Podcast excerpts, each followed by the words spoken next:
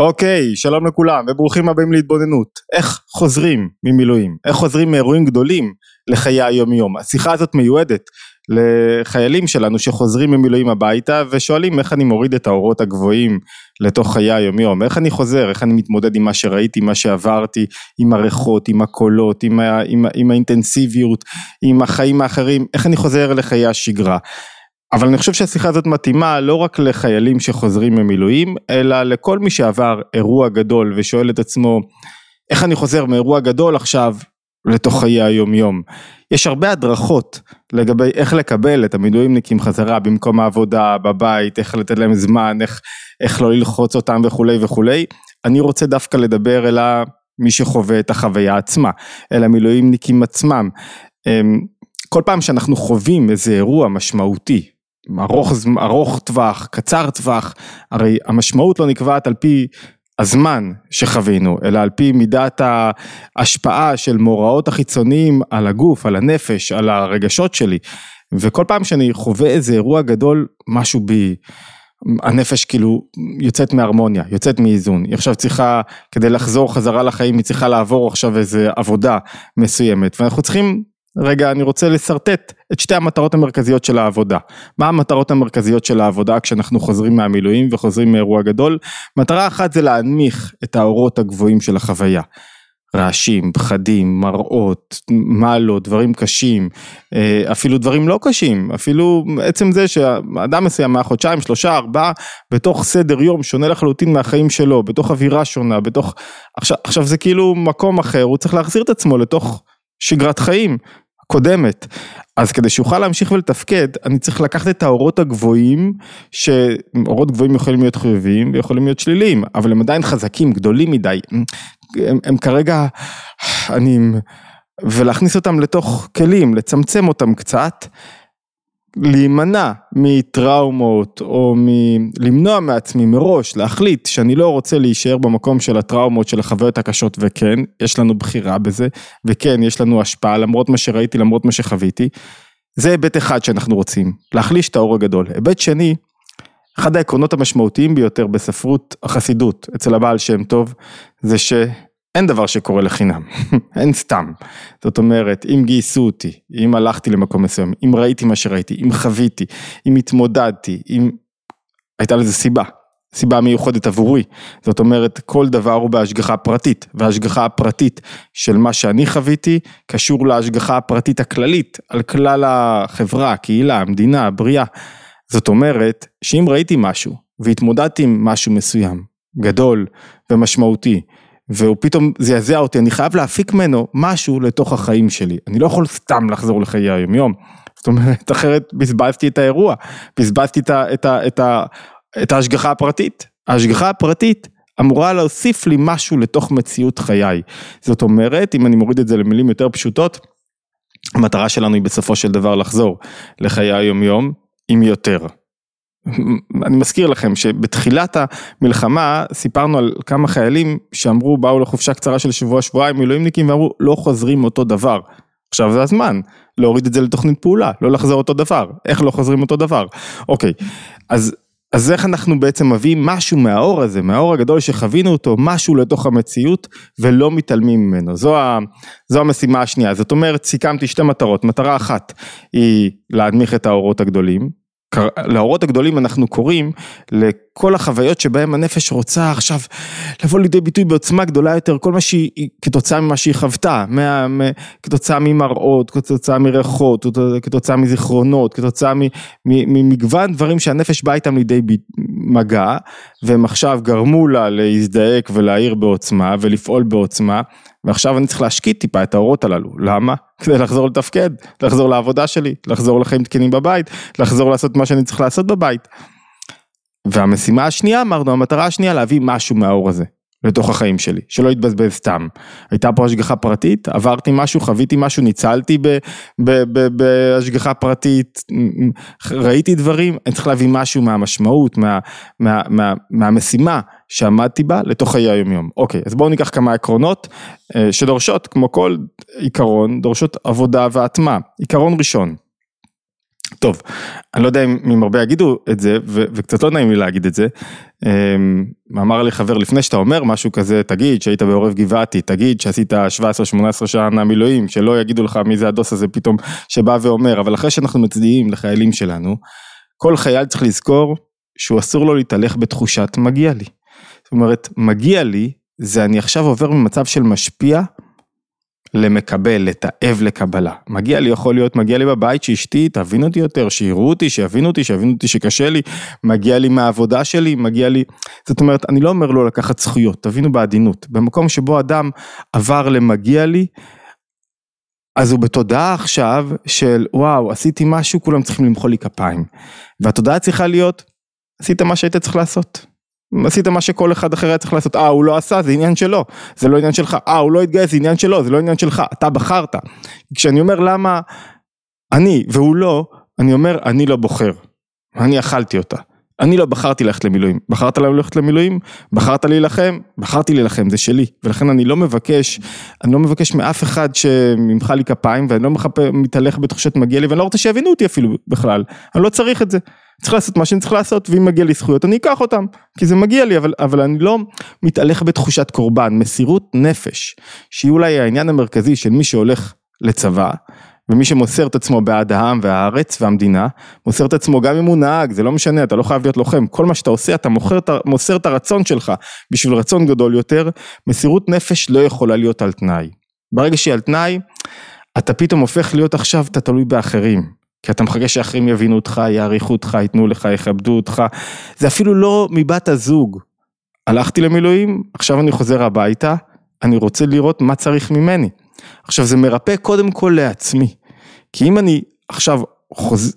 חוזר הביתה בתנועת מגיע לי, בתנועת אה, וואו אתם לא יודעים מה עברתי, בתנועה של מה קורה? אני חושב תלוי באנשים אחרים, בתגובות שלהם, בהערכה שלהם, בציפייה שלי מהם, ואנשים הם אנשים, יש כאלה שיעריכו אותך יותר, יש כאלה שפחות, החיים זורמים, אף אחד לא אוהב סביבו אנשים שהם קורבניים וחושבים שמגיע להם, אוהבים שכל אחד עושה מה שהוא עושה, עוד פעם צריך לתפוס את זה בעדינות, ודאי שמעריכים הכי הרבה את חיילי המילואים שלנו, וודאי שהיו פה תנועות של הערכה והוקרה עצומים, אינסופיים.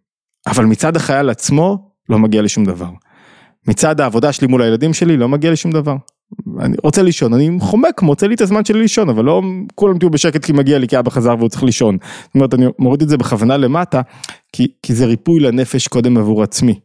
למה זה ריפוי לנש... לנפש עבור עצמי? כי ברגע שאני חושב שמגיע לי, האורות שלי גדלים. למה הם גדולים? כי זה אני.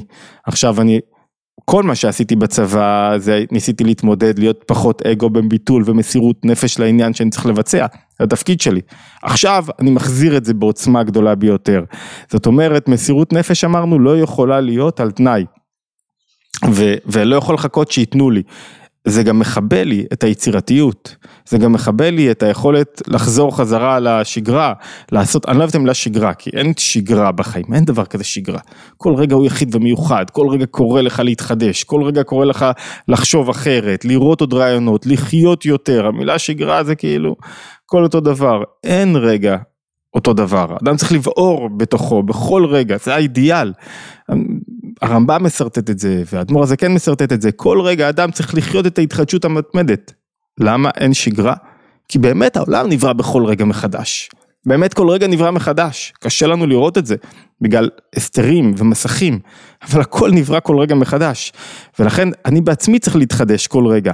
טוב, אז אמרנו נקודה ראשונה, לא ללכת בתחושת מגיע לי, אמ, אנשים הכי מעריכים אתכם בעולם, אבל, אבל אם אתה בתחושה של מגיע לי, אתה מאבד את הנקודה. אתה מאבד את היכולת שלך לחזור לשגרה, אתה מאבד את היכולת שלך לראות הזדמנויות, אתה הופך להיות תלותי במישהו אחר, וזה יכול לקרות לכל אחד מאיתנו, למי שגמר תפקיד גדול בצבא. וואו, אתם יודעים מה עשיתי? כל מה שעשית, בשבילך עשית. חלק מהענווה, מה זה המשמעות? אחת המשמעויות של ענווה זה שאם מישהו אחר היה במקומי, הוא היה עושה את הדברים יותר טוב אפילו ממני. ואז אני לא מצפה מאף אחד, לשום דבר. אני עושה את מה שאני צריך לעשות. ואם אני לא חושב שצריך לעשות את זה, אני לא עושה את זה. לא יעזור לאף אחד שום דבר. אם לא בחרתי לעשות, אני לא עושה את זה. זה גם מאוד יעיל בלא לרצות או לא לעשות דברים שאנשים אחרים מחייבים אותי לעשות. זאת אומרת, אם אני מבטל את עצמי למשהו, אני אעשה הכל סביב המשהו הזה, אם אני לא מבטל את עצמי, אני לא אעשה. נקודה שנייה, הטיפול הכי טוב בטראומות, היא לקחת מנהיגות, קשורה בראשונה, כל הנקודות קשורות זו בזו. לקחת מנהיגות, לשאול את עצמי, הייתי בצבא, היה לי שליחות, בכל יום היה לי תפקיד מסוים. עכשיו אני שואל את עצמי, מה עכשיו נדרש ממני? מה עכשיו אני צריך להיות? לצאת ולהיות אקטיביים. נכון, כשאומרים קחו לאט לאט את הזמן, הכוונה לא להימרח יותר מדי. מה זאת אומרת לא להימרח? לשאול מה אני צריך לעשות. ברגע שאני בבית נכנס כבר מיד לתוך מוד של עבודה, ובחוץ, ו- ו- ואקטיבי, ופעיל, ושואל מה, מה צריכים ממני, מה העולם צריך ממני. מה עשיתי? בצבא הייתה לי שליחות גדולה, משמעות גדולה, במילואים. עכשיו אני מחזיר את המשמעות הזאת לתוך החיים שלי, בכל דבר שאני עושה. ולכן צריך, הטיפול הכי טוב זה להיות עסוק ולקחת מנהיגות. לצמצם רגעים שבהם אני מתבטא לגמרי, זה לא מוליך אותי למקומות טובים. שמעתי אה, חייל אומר, מה אתה עושה כשאתה יוצא מעזה? כזה ג'וינט, אוקיי, לאן הג'וינט לוקח אותך? הוא מרגיע רגע את הנפש, מה הלאה? איך אתה הופך להיות יותר יצרני ופעיל, איך אתה מונע מעצמך מלשקוע, איך אתה מונע מעצמך מלשקוע בעבר. אתה חייב להיות עסוק בעשייה, לכן זה קצת מסוכן, זה לא שיחה כרגע, אבל סמים זה בטח דבר שמסוכן, בטח דבר שבלי הגבלה, בטח דבר שמשתלט עליי ומונע ממני עכשיו מלפרוח חזרה. אוקיי, נקודה שלישית, אמ, זיכרונות. הרי רצים לי כל מיני זיכרונות בראש, מכל הסוגים וכל המינים, והזיכרונות הללו הם, יכולים להיות מאוד מאיימים. כי מה זה זיכרון? מה עומד מאחורי זיכרון? מאחורי זיכרון עומד רגש. רגשות הם אלו שמניעים את הזיכרונות. אני צריך עכשיו להיות הרגולטור של הרגשות, דרך הזיכרונות. זאת אומרת, כדי לשלוט בזיכרונות שלי אני צריך לדעת לצמצם אותם ולהחליט לברור זיכרונות. איזה זיכרונות מועילים לי לגבי העתיד. יש זיכרונות שגרמו לי לשקוע ולהיות עכשיו תלותי ולא לראות את המציאות כמו שצריך ולהיכנס לטראומות, אני לא אוהב גם את המילה טראומות, בהזדמנות נדבר על זה, דיברנו כמה פעמים. אה, ויש זיכרונות שברגע שאני מצליח לראות אותם בצורה, אני זוכר מהצבא שלי. הצבא לא היה דבר קל שלוש שנים ו- ו- ונפצעתי מרימון בשעתי, טוב זה עכשיו זמן של מורשת קרב וכל מיני אירועים ועדיין זכו לי הצבא כתקופה של שלוש שנים מאוד יפה, מאוד טובה. למה? כי אם אתה מצליח לשלוט בזיכרונות שלך אחורה ולא לראות את הדברים כלמה זה קרה דווקא לי ואיך זה נורא בעיניי, אלא לראות, הרי אני אגיד את זה בעדינות, מה שקשה לנו בזוועות זה לא הזוועות עצמם, זה מה יקרה אם שוב זה יחזור אליי, אם זה יקרה לי שוב, זה הרי, מה הבעיה שלי עם סרטונים? וואי, אם זה יקרה לי דווקא. ולכן אחד הדברים, אחד הדברים החשובים זה לשלוט בעולם הרגשי שלי דרך הזיכרונות, זאת אומרת לבחור זיכרונות שמרוממים אותי, שגורמים לי לראות את הדברים לאחור כחוויה טובה ולא כחוויה קשה, לנסות רגע לבחור מקומות שבהם יש לי הרבה פחדים ולנסות לשנות רגע את תמונת המצב, את האופן שבו אני רואה את הזיכרון. זאת אומרת, אמרנו לצמצם את הזיכרונות, שלא יהיו כל כך דומיננטיים, שלא יהיה לי כל כך הרבה עכשיו זמן פנוי לעסוק במה שקרה, ומצד שני, לבחור זיכרונות. לבחור איזה זיכרונות יותר טובים לי, יותר, יותר מרוממים אותי, יותר גורמים לי להאמין בעצמי, יותר דוחפים אותי קדימה, ואיזה זיכרונות פחות אני צריך לעסוק בהם. עכשיו, זה לא שאני אומר לעצמי, אל תחשוב על זה. אם אני אגיד לעצמי פיל לבן, פיל לבן, הפיל לבן יחזור. אלא אני בוחר זיכרון חלופי, על מה אני כן רוצה לחשוב. מחשבה יש רק אחת בכל רגע, אם אני בוחר אותה, אז לא יכולה להיכנס מחשבה אחרת.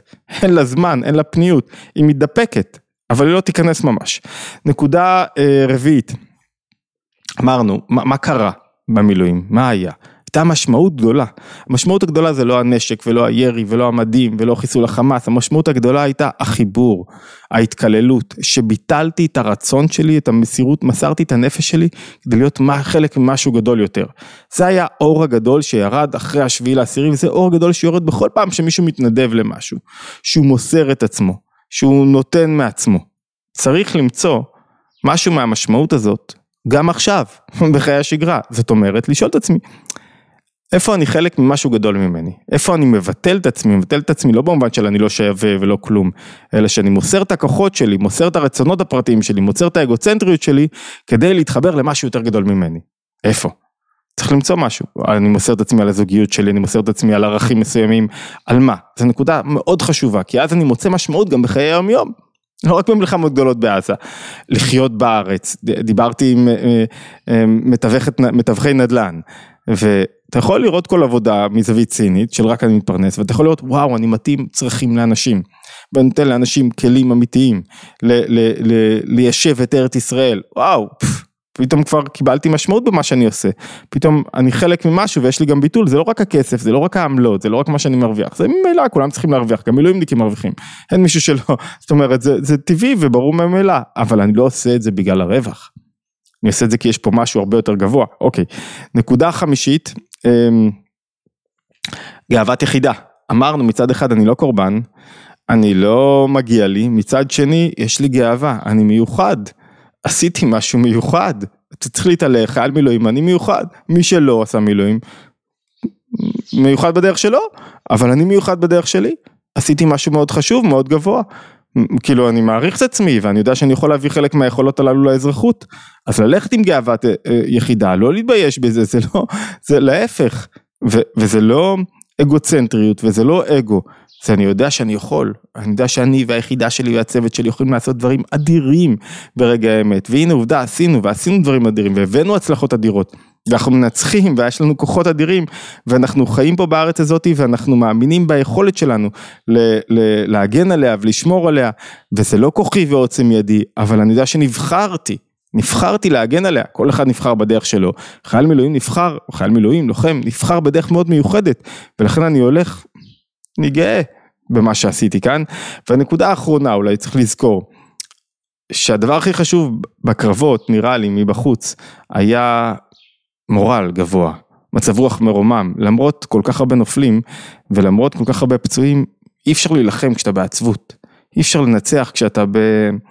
בדאון, אי אפשר, אי אפשר לנהל ככה פלוגה, אי אפשר לנהל ככה צוות, אי אפשר לצאת ככה ללחימה, אי אפשר להיות חמור סבר כל הזמן, חייבים להשתחרר, למה? כי, כי אז זה מרחיב לך את זווית הראייה, כי אז זה מכניס בך מוטיבציה וכוחות, כי אז אתה מאמין יותר, השמחה מעידה על כך שאתה מאמין יותר, שדברים ילכו כמו שצריך, חודש אדר, אנחנו בראש חודש אדר, צריך לדבר על שמחה, צריך להביא מזה גם לאזרחות, לחיי היום יום. צריך להביא מזה גם, גם לנהל את העסקים שלי, גם את העבודה שלי, גם במקום שאני עובד, להביא את המורל הגבוה. מה שעבד במילואים, עובד בקרבות היומיומיים. שמחה ואמונה בעצמי ומורל גבוה ואם משהו לא הולך אז אני לא אני לא חושב שהכל גרוע ואני עומד להפסיד והכל קורס לי בדיוק ההפך לייבא כמה מעקרונות הניצחון בעזה לניצחון בחיי היום יום לניצחונות הפרטיים שלי שאחד המשמעותיים בהם זה הרוח והמורל הגבוה. אוקיי, טוב, אני חושב שביחד, כשאנחנו עוטפים את ששת העקרונות הללו, בסופו של דבר מה עשינו? שני דברים. אחד, מה שזו היו המטרות שלנו. אחד, הנמכנו את האורות הגבוהים. למה? כי לא נתנו לזיכרונות לשלוט בנו. למה? כי לא הלכנו בתחושת מגיע לי ועכשיו אני הולך באור גבוה שאני עכשיו כאילו חייב, כולם חייבים לשמוע אותי ולהבין אותי. יצאתי והייתי אקטיבי, האקטיביות, מה היא עושה? היא מנמיכה טראומות, כי היא מחייבת להיות, אותי להיות בהווה ולא בעבר, ולא בהשלכות של העבר על העתיד. ומצד שני, או בעוד זווית, הבאנו קצת מהאור הזה, שאלנו רגע איך אני מביא יותר משמעות, למה אני בטל, איך אני מחזק את האמונה שלי בעצמי, בחברה שלי, בקהילה שלי, במדינה שלי, איך אני מביא יותר מהאווירה שהייתה אה, במילואים ובשטחי כינוס ובתוך עזה, איך אני לוקח יותר מהאורות הגבוהים ומחדיר אותם לתוך חיי היום יום, לבית שלי, לעבודה הזוגית שלי, לעבודה שלי בעבודה. אוקיי, התבוננות יומית, לא הזמנתי אתכם להירשם לערוץ, אה, ערוץ התבוננות כמעט בכל יום אנחנו מעלים סרטון חדש, וכמובן אפשר להצטרף לקבוצות הוואטסאפ, לתוכנית המנויים באתר התבוננות, אה, סדנאות שאנחנו עושים מדי פעם, להשתמע בהתבוננות היומית הבאה, ואוהבים אתכם מאוד מאוד, חיילי מילואים, ברוכים הבאים הביתה. ושלא נצטרך להילחם שוב למרות שזה לא נראה, נראה ככה אבל שננצח במלחמות יישר כוח.